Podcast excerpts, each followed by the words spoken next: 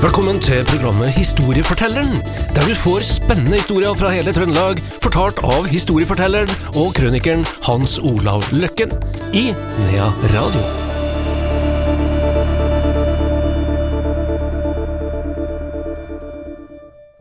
Her er historiefortelleren i Nea Radio tilbake igjen. Velkommen, eh, Hans Olav Løkken. Jo, takk. Vår historieforteller skal i dag fortelle historien om et bankran i Hegra. Ja. Det er faktisk helt sant. Det er helt sant. Absolutt sant, og det er jo ikke så lenge siden. Jeg husker hva bare var den dagen, er. Jeg visste ikke at det var noe bankrag her, for jeg var ikke der, da. Men eh, jeg var i Trøndelag. Og eh, det her er altså utpå høsten. Det var så varmt i Trøndelag at den 4. september i 68 var Stjørdal det varmeste stedet i Europa. Ja, det var så varmt at jorda var som sement, skorpe, og målene, minimumsmålene på det som måles dybder og sånn, fra 1910 var passert. Det var altså ikke vann igjen, og man svetta noe så kolossalt. Alle ba, lå på kirka og ba om regn, ikke sant, her, for så tørt var det. Og det kokte over i dobbel forstand for den ene og den andre. Og der sitter da noen betjenter på Hægra lensmannskontor, den gangen så var jo lensmannskontor for hver melkerampe oppover. Og plutselig så ropes det at det er bankran i Hægra, men du vet, betjentene de tenkte at nei, nå er det klikka helt for lensmannen, nå koker det helt over for han. Solstikk. Solstikk, solstikk, godt uttrykk. Så de reagerte ikke med en gang, det tok eh, noen sekunder før de skjønte alvoret. Og, og, og den banken, den er, som bankranet og banken, er jo bare omtrent vegg i vegg, det var straks bortafor. Så eh, inne i banken, da, Fredelig bank, og der satt jo han her eh, Ivar Kleiven, da, som var kasserer, han var jo alene i banken òg. Han satt jo der, og svetten renn av en. Vet ikke om det var noe særlig aircondition på den tida, men det er veldig ikke det. Og så plutselig da, så står det en framtoning foran en, vet du, en merkelig skapning, med ei strømpe oppe. Og, og, og på fred, også på fred, altså, han, han tenkte jo med en gang Strømpe over hodet. over hodet, ja. Ja. Han sa strømpe over hodet der, og, og han skjønte jo at å, det er bankran. Nå, nei, nå er det en som skal ta meg, for han holdt jo en pistol, og holdt veska klar. Så det ble altså en psykisk kamp i da to sekunder der. Hvem skulle liksom vinne? Skal han Kleiven få re lirka foten bort og løste ut alarmen? Vil han bankraneren være ekte og trekke av?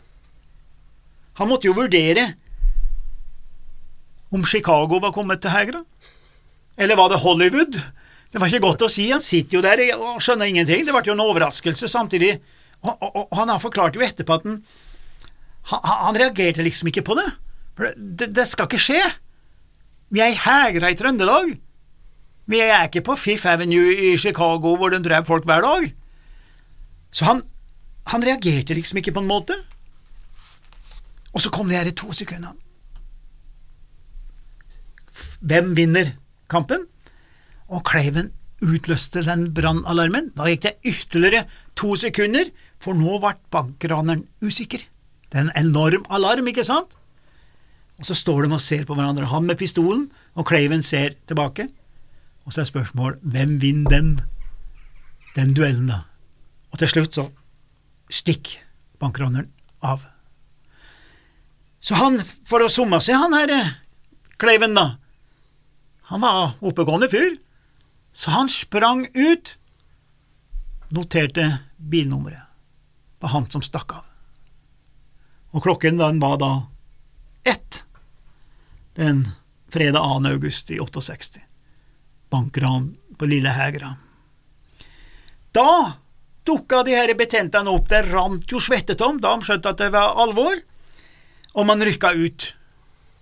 Det gikk da selvfølgelig melding til, til både Inntrøndelag og, og, og, og, til lensmannskontoret på Stjørdal og til Inntrøndelag politikammer osv. osv. Og og det settes i gang da, skal vi si, en slags forfølgelse, et, et, et søk, da. Politihund kom fra Trondheim, og, og, det normale skjer da.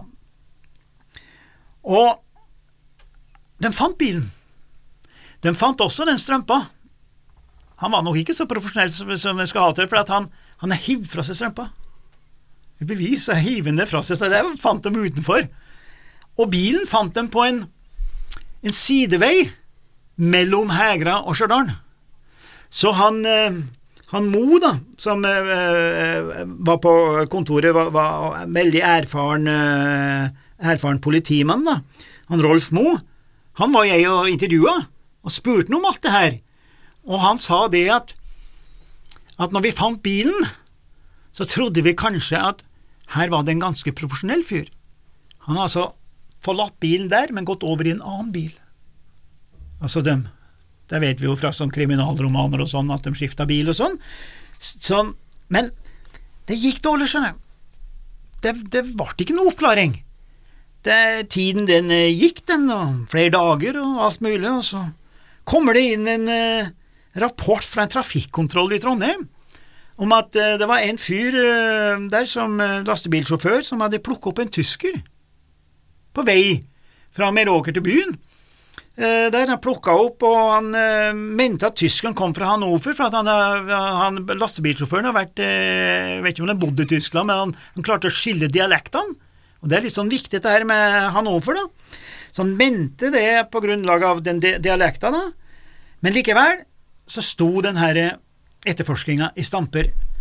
Det var bare han her Mo som la merke til dette her med at, at han hadde plukka opp en tysker. Og det var jo ingen som tenkte at det her kunne være i gåseøynene en utlending. Samtidig, da, og nå har det gått flere måneder, så har han Mo en familiesamtale med sin datter. Ja. Og hun er Toril Mo, ja, da, eh, og, og, og, og hun og bestevenninna, som het eh, Mari Myrvang, de hadde drevet den sommeren jeg pratet om at det var varmt, ikke sant, så de hadde drevet og, haika att og fram til Storvika for å avkjøle seg da, i, i Stjørdals mest populære eh, badestrand. Og de har til og med vært i Trondheim. Og han, Mo var ikke så begeistra for den haikinga med jenter og sånn, eh, vi vet jo om litt av hvert der. Så han skulle ha på en måte en slags, jeg vil ikke si en moralpreken, da, men den skulle liksom gi dem litt advarsel. da. Og da kunne de her jentene helt sånn tilfeldig fortelle om at en gang så satt de på med en tysker. Og haika med en tysker. Da, kjekk, ung, flott gutt. Da, og som da var bygningsarbeider, sa han, fra Hannover. Da ligger han her i Mo sammen litt av hvert, da. Det er papirene om den her trafikkontrollen der med en tysker fra Hannover. Jentene som haiker, hans egen datter som han er livredd for. Der. Og de spør, og Mo sier til de her jentene at eh, ja, var det noe mer? Ja, hun sier det, dattera, at uh, hun har sett den en gang til, som har jobba på et hus inne i Trondheim. Han her som har sagt var bygningssnekker. Så sier Mo om hun husker der. Ja, jeg husker jo huset, men jeg vet ikke helt hvor det er. Ja, her er noe annet du husker, da? Og så fortalte hun litt. Mo lager en skisse, sender direkte til eh, politikammeret. De sviper over alt sammen, snakker med lokale folk, og de finner ut hvor, hvilken bydel, altså hvor, hvor det er hen, om det var på Nardo eller jeg vet ikke, det spiller ingen rolle. Drar ut. Der er det en tysker som jobber arresterer han, og han skjønte at han ble tatt. Han la kortene på bordet. Via bare det lille med han Mo med sitt hvaløger som sier at her er det noe som henger sammen. Og han ble da tatt. Det ble eh, sak ut av det, og eh, han fikk eh, ett år, men han ble eh, etter veldig kort tid utvist fra Norge. Eh, jeg har papirene eh, på det der òg, men det kan jeg ikke skrive, da, for det er visst ikke helt korrekt. Det er, det er godt for, la, for, kort tid. Det er klausuler, vet du, ikke sant. Men jeg vet navnet på den og alt det der, men det vil jo ikke jeg, jeg, jeg skrive, da, for det er 80 års klausul der. Så eh, er det jo klart at vi har det her forståelse på folkene igjen, da. som må da liksom finne ut med ettervirkninger og sånn. Så jeg spør selvfølgelig eh, Toril og Mary, da, som hadde haika med og kanskje fått en reaksjon, tenker jeg da, vet du, vi er jo sånn indoktrinert med sånne psykiatriske ting nå at uh, du kan jo få reaksjoner 40 år senere og litt sånn, ikke sant, så jeg spurte om det hadde hatt noen senvirkninger og, har tenkt noe over det her, da, for dette er jo mange, mange herrens år etterpå at jeg lager denne historien. Det var ikke i 68, altså, det var jo her nå på 2000 og noe. Her. Nei, det, men ikke hatt noen reaksjoner, det var jo ikke noe Nei, det var jo ikke noe spesielt med det her. I dag så får du jo psykiatrisk krisehjelp bare du har flis i fingeren. Men, men de hadde jo uh, virkelig vært utsatt for noe, ikke sant? Mm. Og så tenker jeg, hva med han uh, Ivar, da, han bankraneren som har en pistol oppi ansiktet? Bankkassereren, ja. Bankkassereren, mener jeg. Mm. Hadde, hadde han tenkt over at han kanskje kunne trekke av? Det hadde skjedd både før og etter 68 i Norge òg, ikke sant? At man trekker. Og de sitter der i sekundene. Og så tenkte jeg med meg sjøl, kanskje dukker de sekundene opp 10-15 år etterpå. Han Ivar han dør i, i, i 95, men det heter seg om en Ivar at han var en sånn rolig, forstandig menneske, og han brydde seg ikke om råd og meninger fra menneskelige adverber, heter det.